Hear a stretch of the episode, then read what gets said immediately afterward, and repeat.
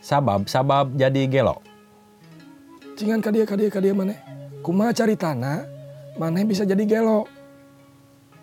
mimiti nama tina masalah duduluran Hubungan kula warga gitu nya cingan sok jentrekeun.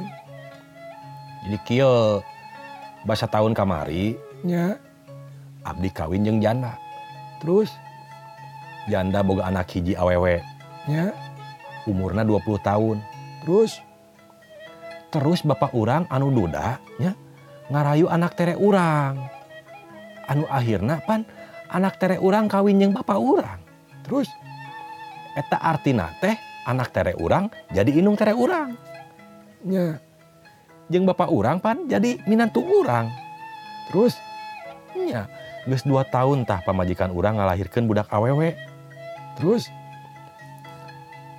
otomatis eta budak jadi inung tere urang nya, eta budak pan nyebut bapak ka urang terus berarti urang oge bisa nyebut bibi ka eta budak uh aing lieur. tahun harapna ya anak tere urang jeung bapak urang boga budak eh tak artina budak teh jadi adik tere urang Nya, tapi eta budak oge kudu nyebut aki ka urang pan nya, jadi dina waktu nusarua pamajikan urangnya eta indung ti indung tere urang sekaligus nini ti budak urang urang salaku salaki ti pamajikan urang nyaeta aki ti budak urang gitu nya. nya itu caritana dok otak jeung sirah meni asal liur asal rek ngebeledug mikiran hubungan keluarga urang jadi akhirnya urang jadi gelo siga kieu tah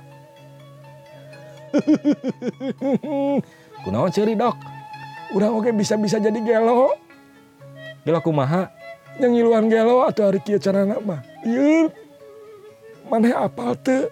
apal kumaha Tuh tinggalin nu ngadenge oge ngadak-ngadak lalieur.